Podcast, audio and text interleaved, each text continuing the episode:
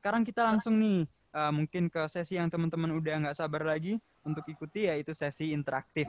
Dan pada sesi ini saya mempersilahkan teman-teman semuanya untuk bertanya bisa melalui tiga jalur ya. Yang pertama teman-teman bisa menggunakan fitur raise hand yang ada di Zoom atau teman-teman bisa memberikan pertanyaan melalui chat yang ada di Zoom meeting dan untuk teman-teman yang ada di YouTube bisa menggunakan live chat yang ada di sana dan uh, metode yang terakhir adalah teman-teman yang sudah submit pertanyaan ke kami melalui Google Form itu akan diakomodasi juga.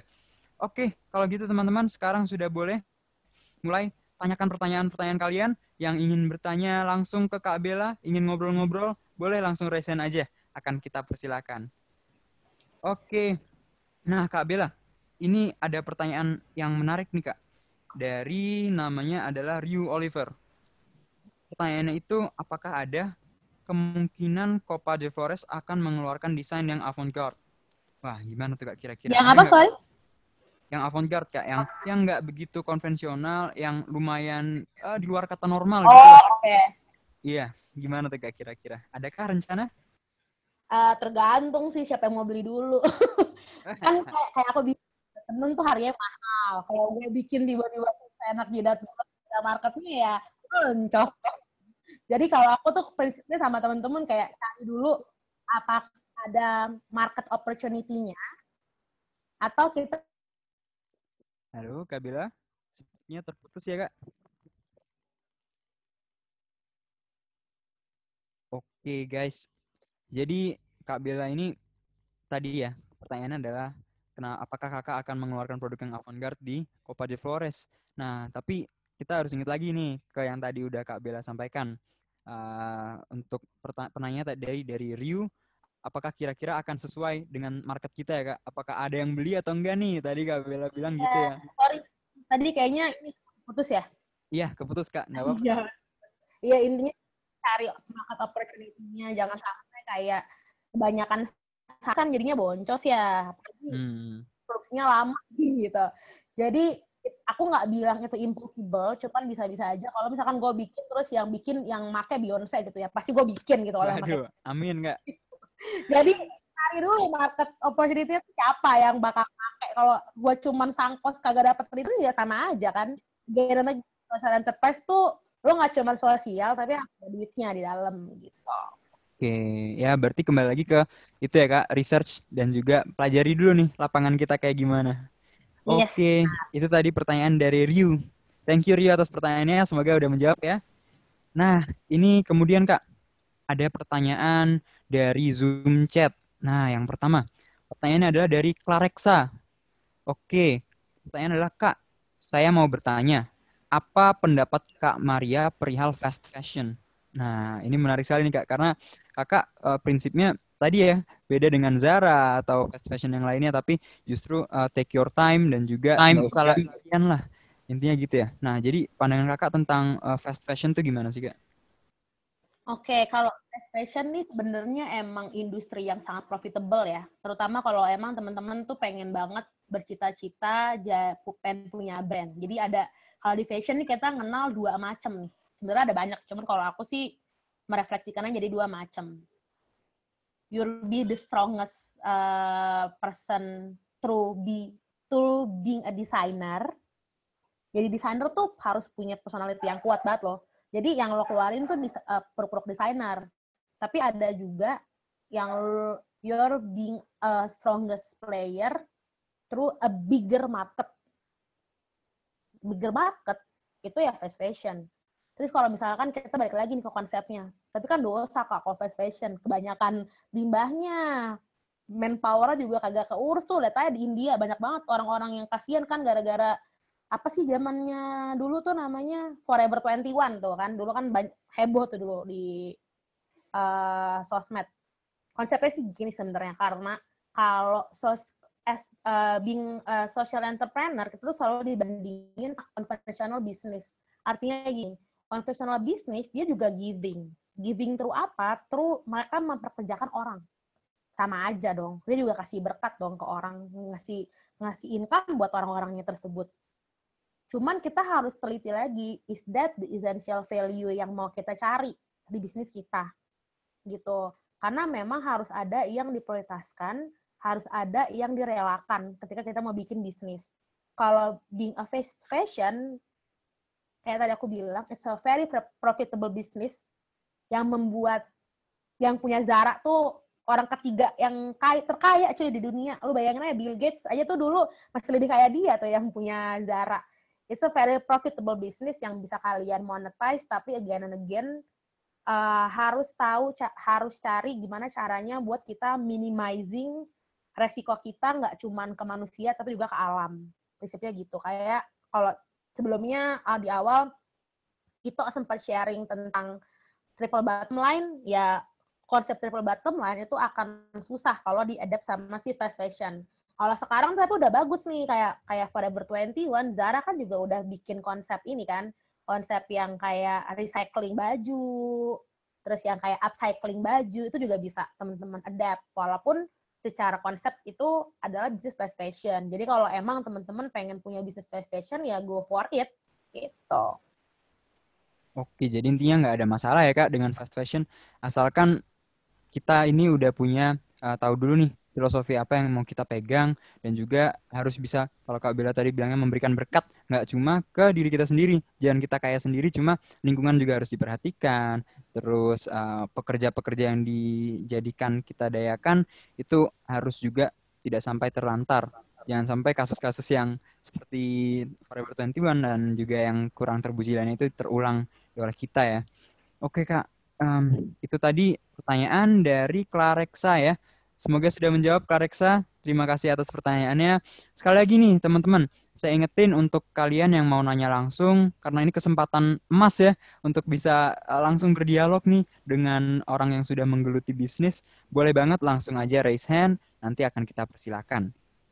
Oke, uh, berikutnya. Di sini ada pertanyaan yang lumayan banyak ditanyain nih Kak. Uh, di sini pertanyaan adalah dari Irfan Rakan Hermanto. Bagaimana mencari atau mengetahui pasar produk yang akan kita jual, Kak? Gimana cara nargetin market yang cocok untuk produk kita? Dan ya tadi kakak sendiri sudah bilang juga bahwa perlu tahu nih marketnya itu mau kayak gimana. Eh, kira-kira uh, barang kita ini bakal ada yang beli nggak? Nah, itu kalau Kak Bella sendiri kira-kira apa yang Kakak lakukan untuk melakukan hal tersebut uh, dan tips-tips apa nih Kak yang bisa diberikan untuk kita? Oke. Kalau tips sebenarnya sangat simpel kalau teman-teman tahu konsep ATM tau nggak? Amati, tiru, modifikasi. Jadi ininya gini pendekatannya. Kalau kalau kopa nih, jangan jangan kopa dulu deh, gue ngomongin general dulu deh. Kalau misalkan uh, konsep yang general tuh, kamu udah tahu nih marketnya. Misalkan ada yang pengen bisnis martabak. Jelas, martabak ada yang pengen makan martabak, ya kan? Ya itu udah ada tuh marketnya kamu tinggal modifikasi. Kalau zaman dulu kan red velvet martabak tuh yang kayak bentar gitu kan kalau di di di Jakarta gitu. Nah, itu yang harus kalian adapt, yang harus kalian tahu apa ya existing market yang sangat uh, selalu ada gitu. Yang bisa kalian tawarin diferensiasi di produk kalian. Itu konsep yang pertama. Ada juga konsep lainnya yang you make a new market. Ketika kamu bikin new market, mau nggak mau, cost marketingnya akan lebih banyak. Sebenarnya konsep konsep seperti ini tuh kayak yang dulu ditawarin eh, sama Apple. Pertama kali dia bikin iPhone. Mana ada yang dulu zamannya kita punya handphone Nokia gitu yang kayak banyak banget tombol-tombolnya. Ada inovasi satu handphone cuman punya satu tombol cuman apa ya kita bilang ya uh, feature-nya tuh infinite gitu loh nggak terbatas dia punya jangkauan hanya dengan satu tombol Nah, itu risetnya tuh juga panjang. Yang direlakannya pun juga panjang, biayanya pun nggak nggak nggak kecil. Itu yang kalau kalian pengen mengadaptasi, gue pengen bikin inovasi baru yang kagak ada orang yang punya, gue aja nih duluan jadi I am the new apa namanya Steve Jobs from Indonesia gitu ya boleh-boleh aja kalau kalian mau mau kayak gitu. Ada lagi satu lagi nih yang lo ngawinin aja nih. Yang bar yang udah ada sama yang pengen gue bikin bener-bener konsepnya ATM. Ini konsepnya si Gojek, si Nadim. Gojek, ojek zaman dulu selalu ada kan. Nah dia tuh konsepnya ketika dia bikin Gojek, itu dia merefleksikan behavior sehari-harinya dia. Dia konsultan bisnis, hidup di Jakarta, dari luar negeri, dia ngelihat time consumingnya dia untuk bisa uh, apa namanya untuk bisa pergi dari satu tempat ke tempat lain itu takes a very long time ketimbang dia tuh dulu di US. Jadi pas dia kerja tuh dia stres. Dia mau ke mana? Dia mau kema dia mau ke mana-mana tuh dia pakainya ojek gitu. Pas dia dulu masih jadi konsultan. Terus pas dia ngelihat dia selalu naik gojek, dia bingung kenapa ya? Ini ojek nih industrinya bagus sebenarnya. Cuman di Indonesia nih nggak terlalu banyak orang yang suka gojek dari terus dia dia neliti dia riset oke ternyata orang nggak suka naik ojek tuh karena pertama nggak safe bisa jatuh takut dibawa ke mana-mana kotor dan lain-lain padahal sebenarnya Jakarta macet dan lain-lain akhirnya dia mencoba menghadirkan konsep ojek in a new way konsep gojek yang kayak semuanya kita kalau ngeliat gojek tuh bagus karena semuanya hijau gitu warnanya keamanannya terjamin pakai aplikasi. Jadi dia benar-benar dari satu industri lama nih, dia rombak habis-habisan, istilahnya dia renova, dia renovasi gitu dengan inovasinya yang dia punya. Terus Kopa di daerah yang mana? Kalau Kopa itu sebenarnya di daerah yang kayak Nadim, tapi kita nggak teknologi, belum teknologi lebih tepatnya. Jadi yang kayak, oke okay, gue tahu nih ada pasar yang emang suka tenun, tapi variasi yang ditawarin nih masih yang gitu-gitu aja gitu. Dan gue tuh dulu pede sama teman-teman gue kalau gue paham lah nih orang teman-teman gue pengen pakai apa tuh kita paham gitu loh. Jadi dari hipotesa tersebut, dari hipotesis tersebut tuh jangan kita langsung telan. Lagi kita tanya lagi tuh ke teman-teman kita. Eh kalau gue bikin baju yang ada tenunnya gitu, pengen pakai nggak ya ke kampus gitu. Nanti dia langsung kayak nanya, oh iya pengen kok gini gini gini gini tapi jangan tanya cuman ke temen. Soalnya kalau nanya ke temen doang, walaupun mereka tuh bisa memotivasi, tapi ada kalanya mereka nggak enak. Jadi ada yang kayak ada kalanya kalau mereka pengen motivasi doang sih mereka kayak, oh ya kita mau kok gini gini gini. Jadi lagi dan lagi aku selalu bilang banyakin diskusi sama non bukan non sih kayak yang di luar jangkauan kamu yang belum beririsan banget sama kamu kelompok-kelompoknya. Dari situ kamu bisa dapat honest review nih. Kalau gua pengen uh, bikin produk kayak gini tuh works nggak ya di pasar ada yang beli atau enggak ya namanya kalau kalian belajar tuh market validation jadi dari situ kalau kalian udah tahu segmentasinya siapa kalian udah tahu segmentasinya tuh attracted dengan produk atau service seperti apa kalian tinggal ngolah aja tuh ngolah produknya kayak gimana terus kayak kalian meneliti nih kira-kira berapa banyak ya orang yang pengen, kapasitasnya kayak gimana dan lain-lain sebagainya gitu.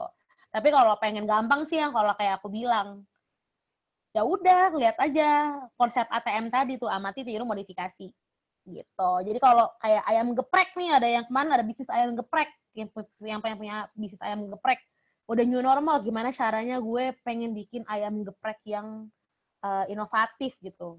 Bikin aja misalkan ayam geprek dicampur sama daging CI dicampur sama apa gitu. KFC gitu pakai cheese cheese lah segala macam. Intinya gitu sih this is all about customizing your product and service sesuai sama target segmentasi pasar kalian yang udah kalian pilih dari puzzle yang udah ada tuh di situ gitu.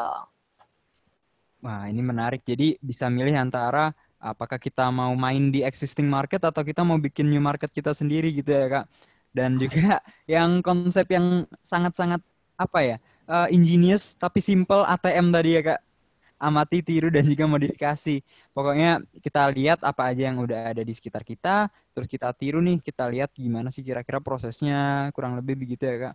Uh, dan juga kita modifikasi alias kita cari diferensiasi, kita bikin diferensiasi agar produk tersebut itu bisa punya nilai plus yang belum dimiliki oleh produk-produk saingan. Nah, jadi itu tuh guys tips untuk uh, cari market atau untuk mengetahui pasar uh, dari produk yang mau kita jual.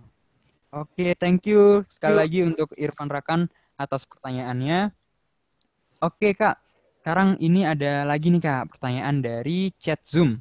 Nah, pertanyaan adalah dari Faradila Amalia uh, katanya saat awal pandemi kemarin bagaimana kakak menjaga dalam tanda kutip bisnis kakak karena seperti yang kita tahu bahwa uh, pada awal pandemi itu adalah masa yang paling sulit bagi seorang pebisnis. Nah, gimana tuh kak? Kakak waktu itu bisa menjaga bisnis kakak? Oke, okay, good question. Ini namanya uh, sharing new normal ya, new, new normal product development gitu. Oke, okay, jadi pandemi ini jujur-jujurnya Kopa bener-bener boncos guys. As, as, uh, as we know tadi aku udah sempet sharing ya, kayak uh, kita biasanya itu tuh pakai strategi market apa marketing yang harus di offline terus market marketnya event-eventnya tuh yang selalu kita seleksi costnya banyak cuma return juga banyak yang kita dapat terus pandemi kita tahun 2019 tuh udah uh, apa udah ngebuk multi event di tahun ini di tahun 2020 jadi itu kita selalu udah punya agenda. Januari mau ngapain, Februari ngapain, Maret ngapain, ngapain, Desember mau ngapain. Nah, setelah pandemi ini Maret, mau nggak mau semuanya di switching nih. Again and again, kalau kalian udah punya partnership, kita kan juga harus jaga trust, jaga ekspektasinya orang-orang tersebut. Jadi kita coba langsung nge-remake semua nih. Awal-awal emang langsung demot ya, jelas. Itu pasti kalau teman-teman benar-benar udah tahu nih uh, bisnisnya mau ke mana gitu misalkan. Demot itu pasti ada, cuman jangan terlalu larut berlarut kita demotivasi, terus jadinya mati. Kayak yang tadi aku bilang, ada saatnya kamu diem, kamu jalan, kamu lari, kamu gaspol gitu misalkan. Itu ada saat-saatnya tuh, momen-momen yang kita bilangnya tuh uh, di A moment gitu misalkan. Nah, terus kita coba cari-cari peluang lain. Kita pertama kali bikin oke okay, kita coba aja post production material kita di switch ke uh, market demand yang sekarang lagi pengen banget nih orang-orang beli which is adalah masker awalnya tuh kita pengen bikin masker juga risetnya lama tuh kalau teman-teman bandingan sama di other fashion brand yang udah ngeluarin langsung gitu kita kan ada di dua sisi ini kita juga gabung salah satu komunitas green market gitu green market Indonesia yang kayak mereka tuh menentang adanya uh, brand yang mau produce masker kain karena itu katanya masih berbahaya gitu. Jadi kita dulu tuh masih bimbang. Ini mau kapan ya di launchingnya ya? Ada satu segmentasi kita yang sebenarnya atraktif banget sama produk, cuman nggak pengen banget gitu ada ada di masker.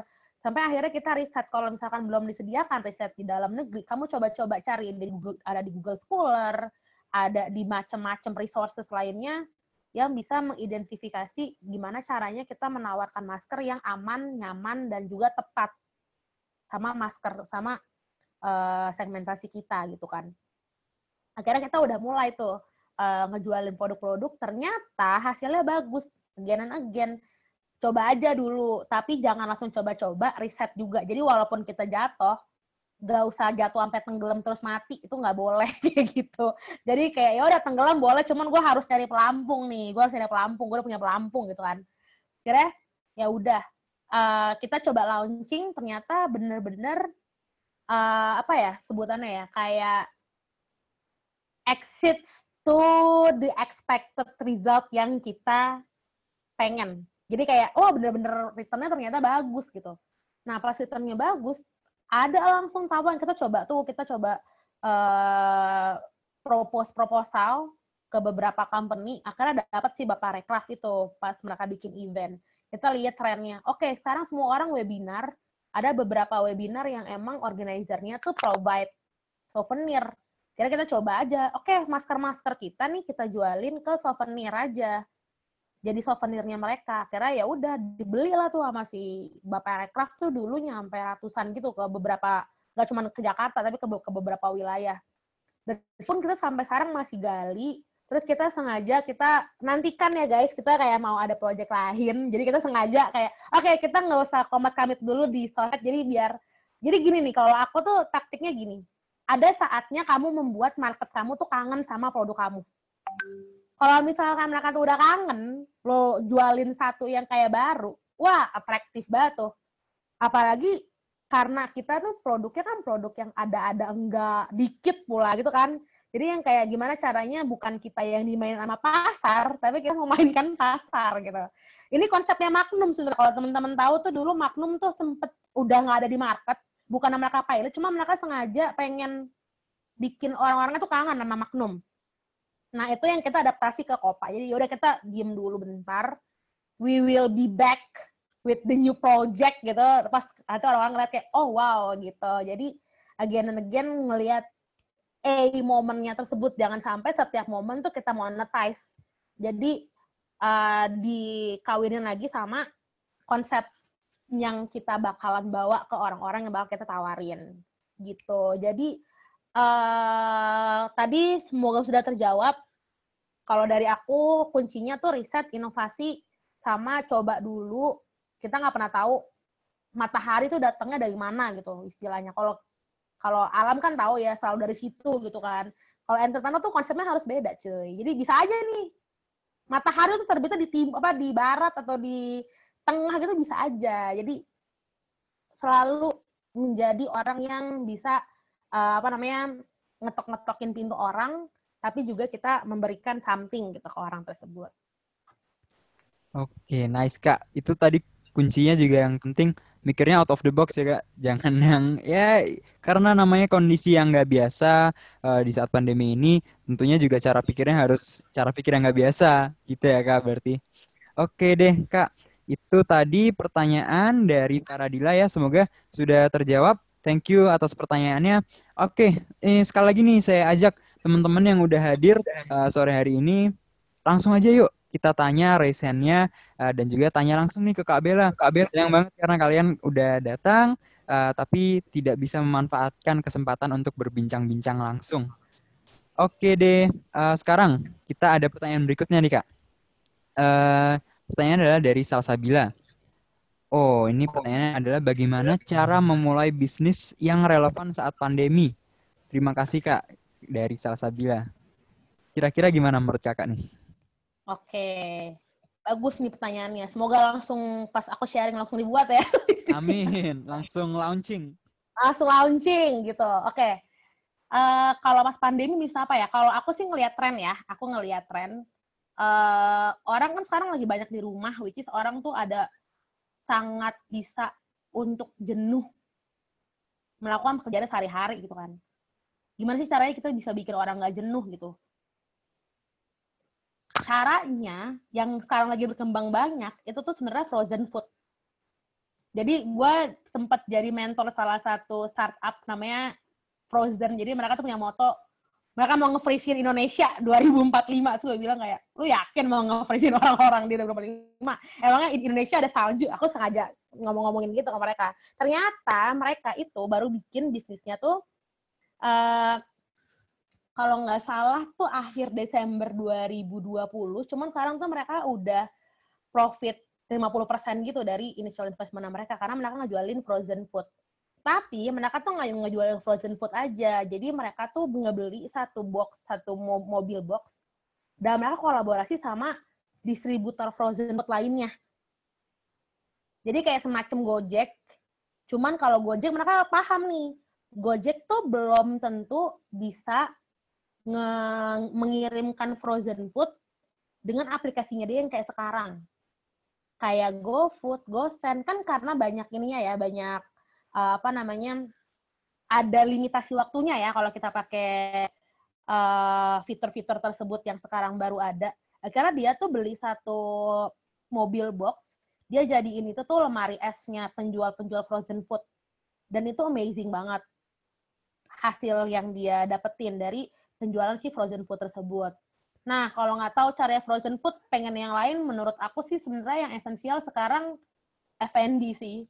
Pengen mau bikin kopi, mau bikin apa namanya ayam-ayaman, mau bikin martabak-martabakan, atau enggak kayak makan-makan Korea tuh kayak lagi hits juga tuh sekarang kan kayak lagi banyak drakor ya tentang makan Korea. Atau sebenarnya sesimpel ini sih, sesimpel apa ya? Kayak kalau kreatif tuh kayak journaling deh sekarang deh atau lagi awal-awal 2020 ya, eh 2021 ya. Jadi kayak dari ke mana aku kayak banyak itu nemuin orang-orang yang baru bikin bisnis journaling-journaling atau sesimpel ini guys. Kayak ini bagi yang bisa gambar, ilustrator, bikinin stiker-stiker gitu, jualin ke Tokped, ke lain-lain gitu. Jadi kayak stiker-stiker yang kayak buat di laptop, buat di apa namanya, buat di handphone sama kalau pengen tapi kalau pengen yang out of the box saya yang tadi ya sok-sok aja nggak apa-apa. Kan prosesnya lama kan jadi kalau pengen mau bikin bisnis kayak kopak sok nggak apa-apa. Coba bikin aja. Kalau pengen pengen bisnis startup digital juga lagi banyak banget nih calling-callingan persartapan kalian bisa coba. Terus uh, kalau aku prinsipnya nyoba satu kali gagal nggak apa-apa soalnya kayak kalau kalian tahu quotes-nya Tan Malaka yang terbentur, terbentur, terbentur, terbentuk gitu. Lama-lama nggak terbentur, kangen. Jadi kalau jadi entrepreneur harus siap-siap terbentur, terbentur, terbentur. Sekali yang nggak terbentur, kalian nyari mau kebentur di mana gitu. Gitu dari aku. Oke, mantap. Harus terbentur, terbentur, terbentur, terbentuk. Kalau nggak terbentuk, ya dikangen gitu ya, Kak. Oke. Ini Kak, berikutnya ada pertanyaan dari chat lagi nih, Kak. Pertanyaannya di sini adalah dari Danu Pazar Utama. Izin bertanya, Kak. Oh, kayaknya ini dia udah kepo-kepoin Kakak sebelumnya juga nih, Kak. Salah satu interviewnya. Nah, oh iya. Adalah, iya nih, Kak Bella pernah menyampaikan bahwa kakak sendiri tidak bisa menenun. Nah, di keadaan serupa, Bagaimana seorang owner atau manajer suatu usaha bisa menjaga dan juga meningkatkan kualitas produknya tanpa memiliki banyak pengetahuan teknis terkait proses produksi? Oh, ya ya ya. Jadi okay. karena ini kan masalah teknis gitu ya kak.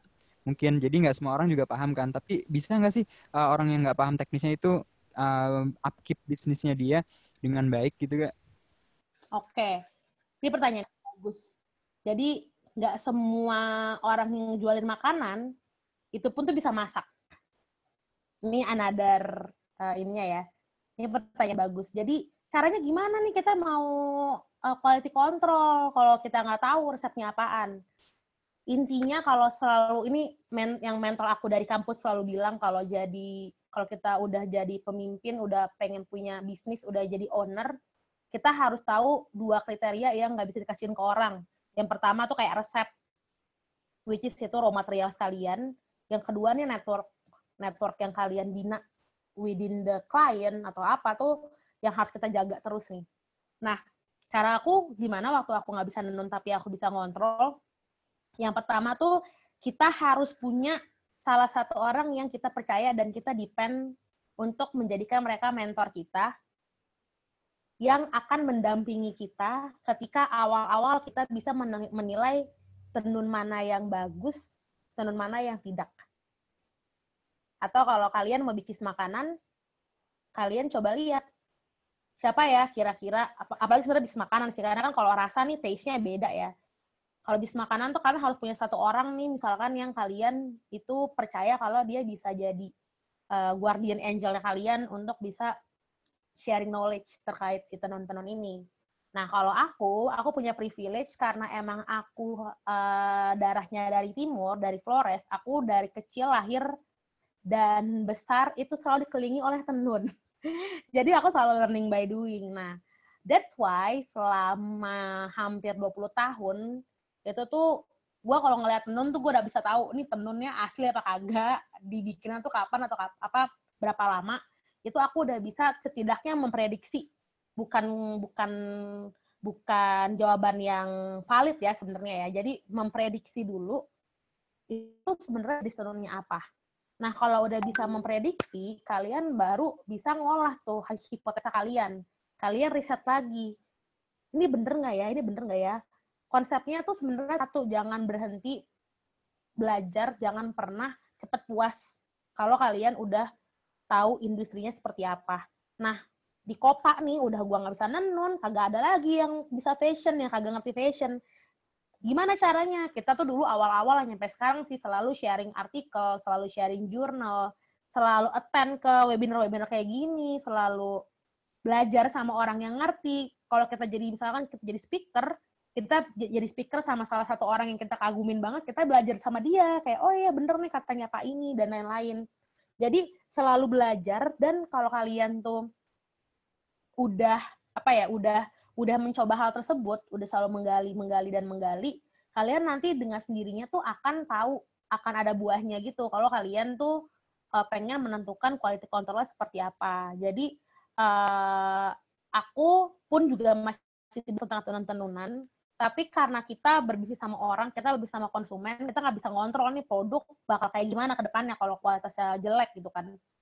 Nah, di Koga salah satu apa namanya salah satu tahapan ketika kita mau ngejualin produk kita tuh ada yang namanya testing produk. Di testing produk tuh kita harus neliti ini tenun pertama luntur atau enggak. Ini tenun bahannya kapas atau bahan kapas pabrik atau bahan kapas apa yang sensitif ke orang. Terus kita gali lagi, ini tenun uh, bener nggak dari pewarnaan alam atau enggak? Kita neliti itu juga.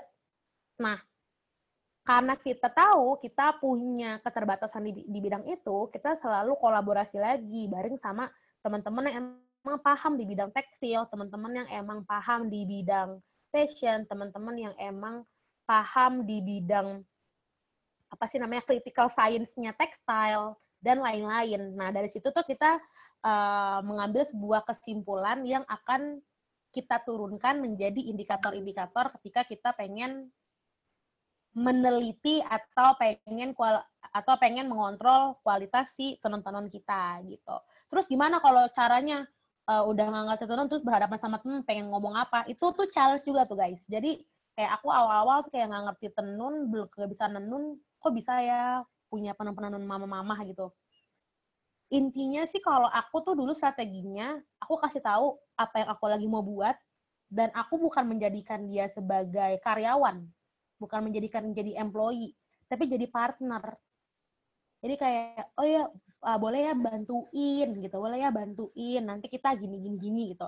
Jadi istilahnya kalau kita baru punya bisnis kita kayak anak balita gitu loh.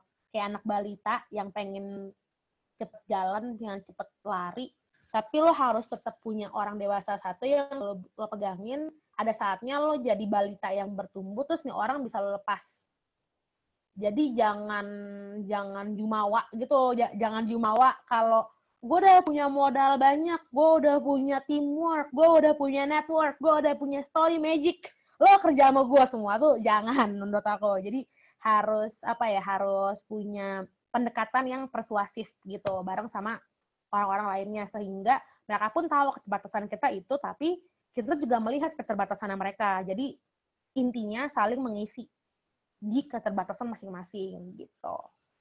Itu sih dari aku.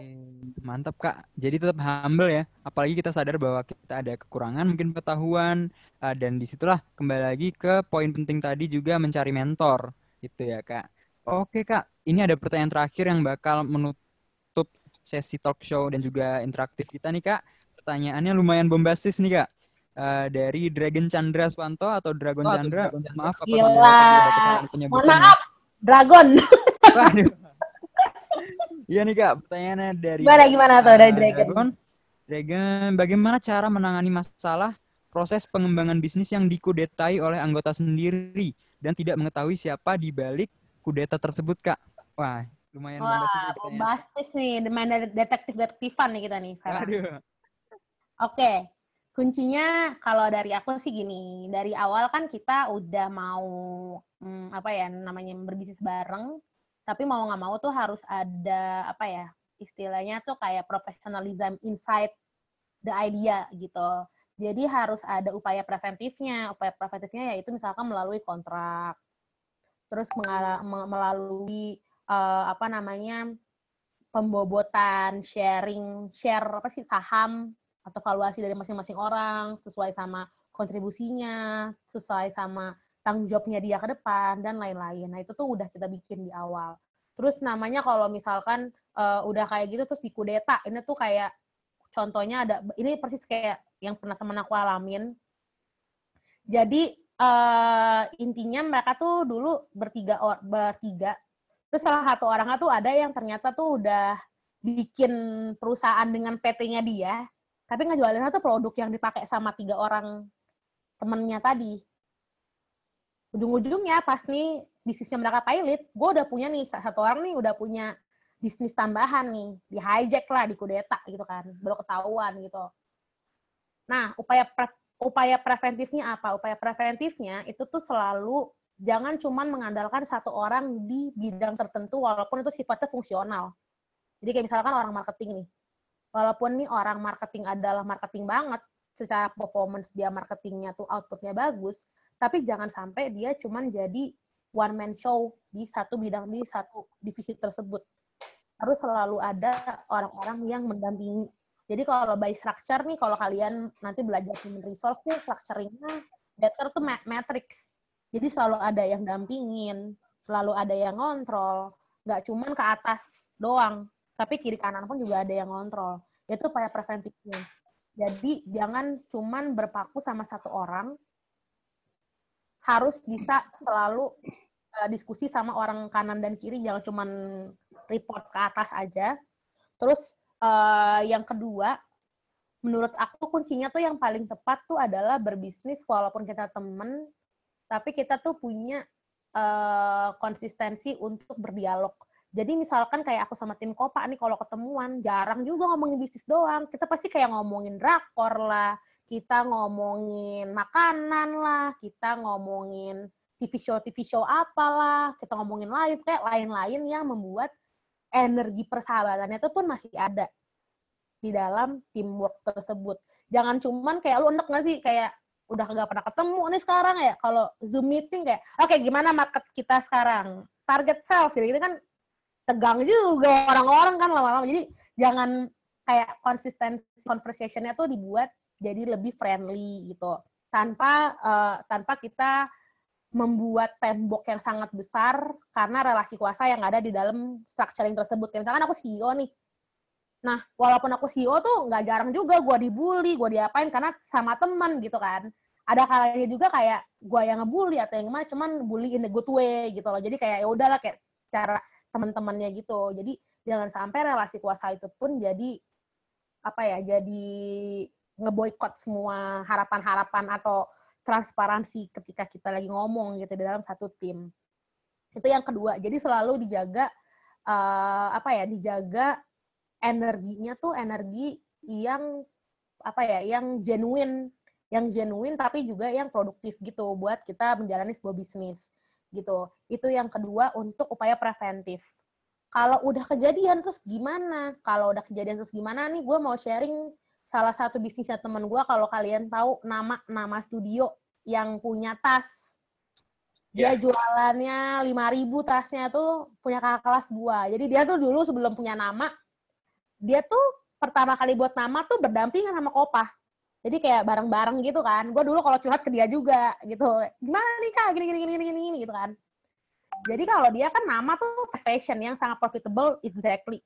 Dia tuh satu satu hari lu bayangin dapatnya berapa? 500 juta. Itu minimal. Itu nama ya. Karena dia emang manufacturing konsepnya. Konsepnya dia tuh pabrik. Jadi harganya pun harga pabrik gitu. Nah si nama nih kesalahannya berpaku sama satu orang. Satu orang operation. CEO-nya leadernya itu udah sangat percaya sama nih orang. Jadi semua urusan operasional with salah satu irisannya sama marketing, ini ini orang nih yang pegang karena dia tuh co-founder juga gitu kan. Nah, jadi si orang ini walaupun ada didampingi sama orang-orang lainnya, tapi karena dia tuh punya persuasive communication yang bisa bikin apa sih kolektif pembobol gitu di satu perusahaan. Jadi kayak jadi dia tuh sekongkol ternyata sama semua orang production. Jadi kalau dibilang korupsi ya korupsi bukan cuma dia, tapi satu kolektif tersebut gitu kan udah kejadian udah udah terlanjur nih dan ternyata tuh numpuk numpuk jadi istilahnya bagi yang belum tahu mereka tuh sistemnya pre-order lo bisa beli tas mereka high quality cuman bisa nyampe dua puluh ribu lima puluh ribu satu tas orang tuh satu hari order bisa nyampe ribuan tas Nah, ini tuh udah berlangsung lama nih. Ternyata udah dari tahunan bahkan. Ada yang kasusnya tuh empat tahun lalu tapi bisa ditutupin nih sama sama sama nih orang. Nah akhirnya ketahuannya tuh sejak si ownernya nih akhirnya punya punya apa namanya punya akses emailnya mereka kolektif-kolektifnya itu ketahuan lah banyak produksi yang nggak tersam yang nggak sampai ke ownernya apa ownernya udah bayar dan lain-lain. Akhirnya kebongkar ya mau nggak mau kita harus apa namanya harus profesional ditempuh dalam dengan jalur hukum.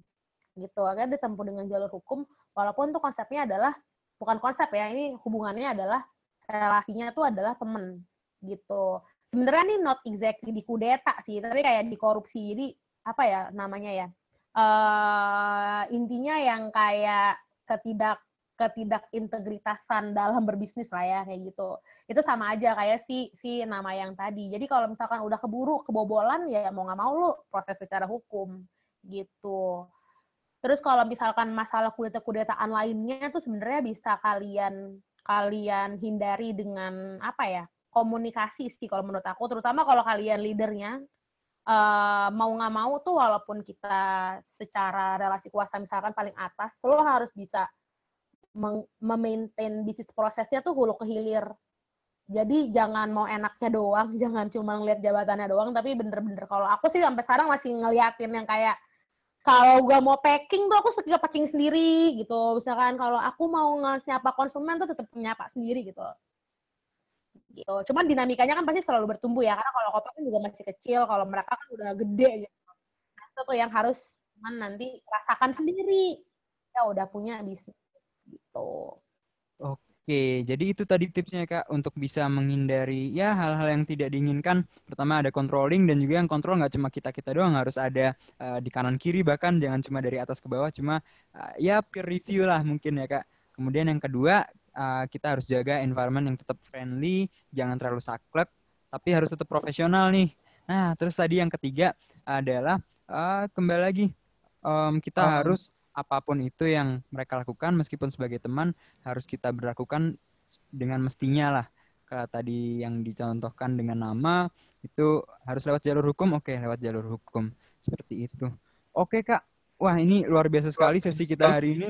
Sangat-sangat insightful ya dan juga saya yakin teman-teman di sini yang hadir bisa belajar banyak nih dari ceritanya kak Bella dan saya yakin juga kalau ya. teman-teman bisa kepoin terus nih Instagramnya Kak Bella dan juga Copa de Forest itu bakalan banyak lagi nih insight-insight yang kalian dapetin. Kalian dapetin. Uh, Oke okay deh kalau gitu teman-teman di sini saya Rizky Baidinanda mengucapkan terima kasih banyak kepada teman-teman semua dan juga tentunya kepada Kak Bella sudah mau berbincang-bincang dengan saya. Dengan begitu, saya Rizky Baidinanda sebagai moderator mohon untuk undur diri. Saya kembalikan kepada Valen. Terima kasih. Dengan demikian, sampailah kita di penghujung acara G-Talk 3 yang bertemakan Inside Out Success Business Story. Saya ucapkan terima kasih kepada pembicara kita yaitu Kabela, kepada seluruh dosen, dan kepada teman-teman yang telah menyempatkan diri untuk menghadiri acara G-Talk 3. Saya Valencia selaku MC pamit undur diri. Mohon maaf apabila ada kata-kata yang salah dan kurang berkenan. Sampai jumpa di acara G-Talk selanjutnya. Selamat sore dan selamat beristirahat semuanya.